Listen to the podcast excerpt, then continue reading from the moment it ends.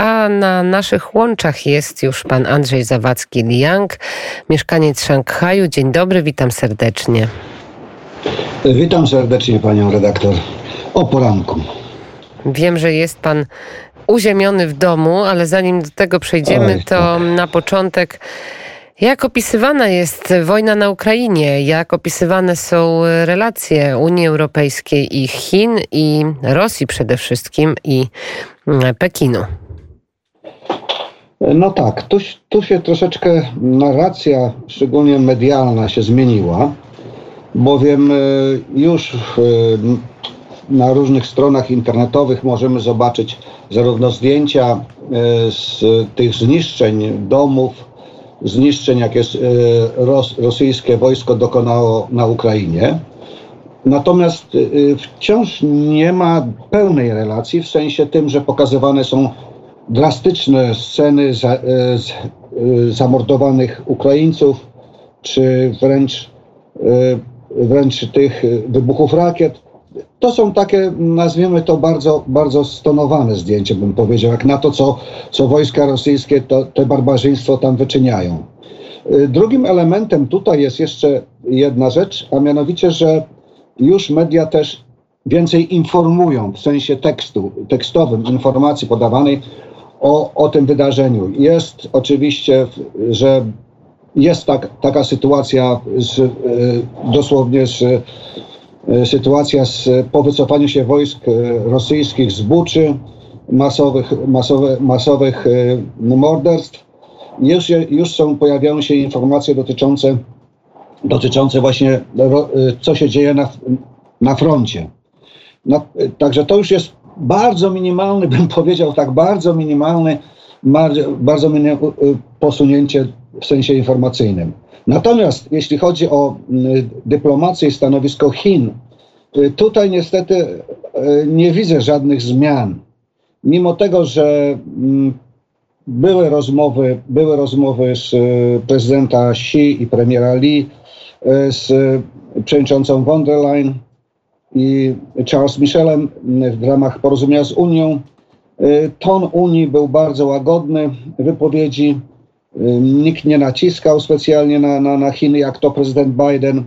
Więc tutaj jest y, bardzo, bardzo takie, bym powiedział, no, no ja osobiście czuję taki mały niedosyt. Bym powiedział, że tu Unia powinna bardziej mocniej y, zareagować. No ale mają wspólne interesy, jest dużo wspólnych interesów tutaj z Chinami, więc to jest może takie zrozumiałe. Y, bardziej interesujące było to dla mnie, że w tym tygodniu, poniedziałek, jeśli mnie pamięć nie myli, y, odbyła się druga już rozmowa ministra Wang Yi z ministrem spraw zagranicznych Ukrainy, y, panem Kułebą. I y, tutaj też mm, było dość tak, no bym powiedział, łagodnie powiedziane o tej sytuacji, bo minister Kułeba poinformował, co się dzieje na Ukrainie, Zresztą oficjalny komunikat ukraiński też to podaje. E, natomiast zwrócił uwagę, że mm,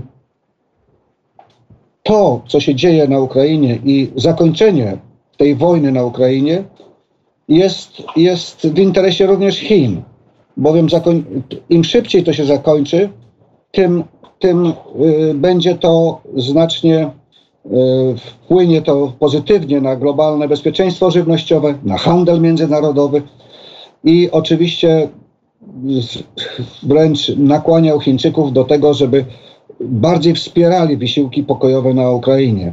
Oczywiście ze swojej strony Wang Yi podziękował za pomoc w ewakuacji obywateli chińskich z Ukrainy, z Kijowa, było w sumie 16 samolotów czarterowych, więc to, to nie mało. Natomiast wciąż powtarzał to niezmiennie, że, że, że Chiny zachęcają do pokoju, do prowadzenia negocjacji, są przeciwne wojnie, że y, nie szukają y, takim, no, że nowością jest to, że nie szukają w tym konflikcie swoich interesów, swojego biznesu, oni, oni chcą tylko, żeby to się zakończyło w sposób, y, doprowadzone było do zrównoważonego, trwałego, skutecznego takiego mechanizmu bezpieczeństwa w Europie.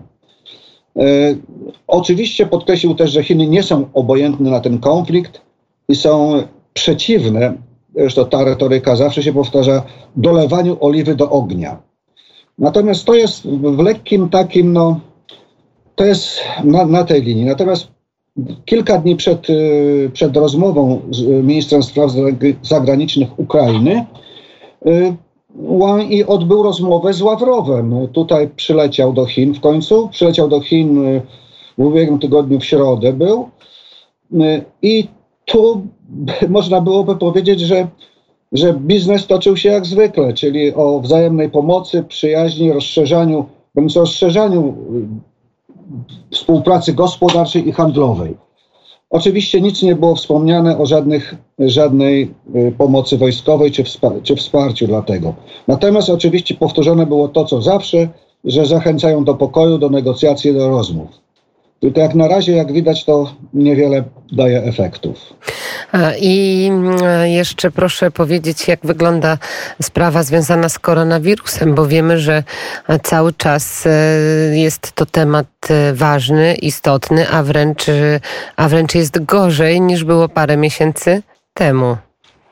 Oj, pani redaktor, co się tutaj wyprawiało z tym COVID-em, a właściwie z omikronem, to rzeczywiście jest to, zrobiła się rzecz, rzecz można powiedzieć, no niesłychana, ale uważam, że to przez, przez zaniedbanie tylko.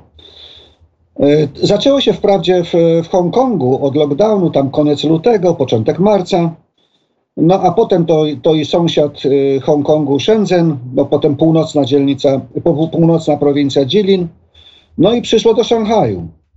Z tym, że oczywiście początek marca zwracam uwagę na bardzo ważny element polityczny, no bo to były coroczne obrady Komisji Konsultacyjnej, czyli jak ja to określam, takiego Frontu Jedności Narodu, no i coroczne obrady parlamentu, więc takiego wydarzenia politycznego nie mogły zakłócać żadne inne złe informacje.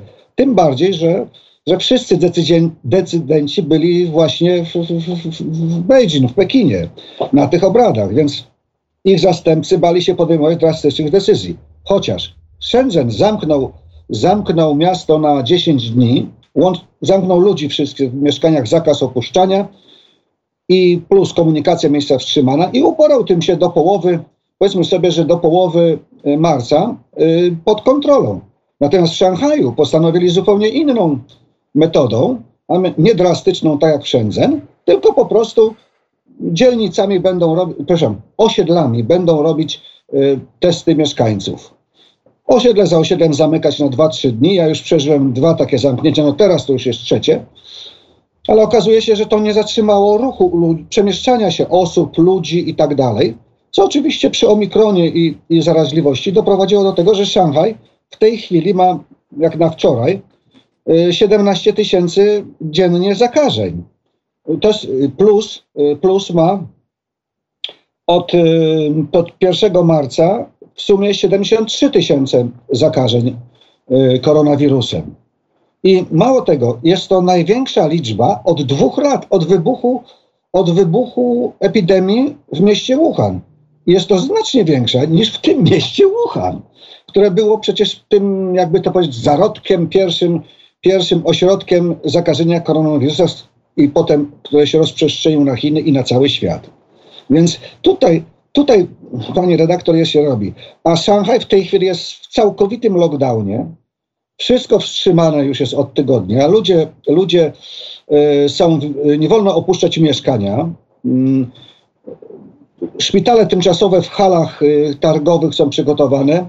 Można powiedzieć ironicznie i złośliwie, że dobrze, że mają dużo hal targowych no ale rzeczywiście, no, 40 tysięcy łóżek już jest przygotowanych, 30 tysięcy drugi kompleks targowy y, przygotowują, więc zdają sobie sp sprawę przypuszczalnie, że będzie więcej.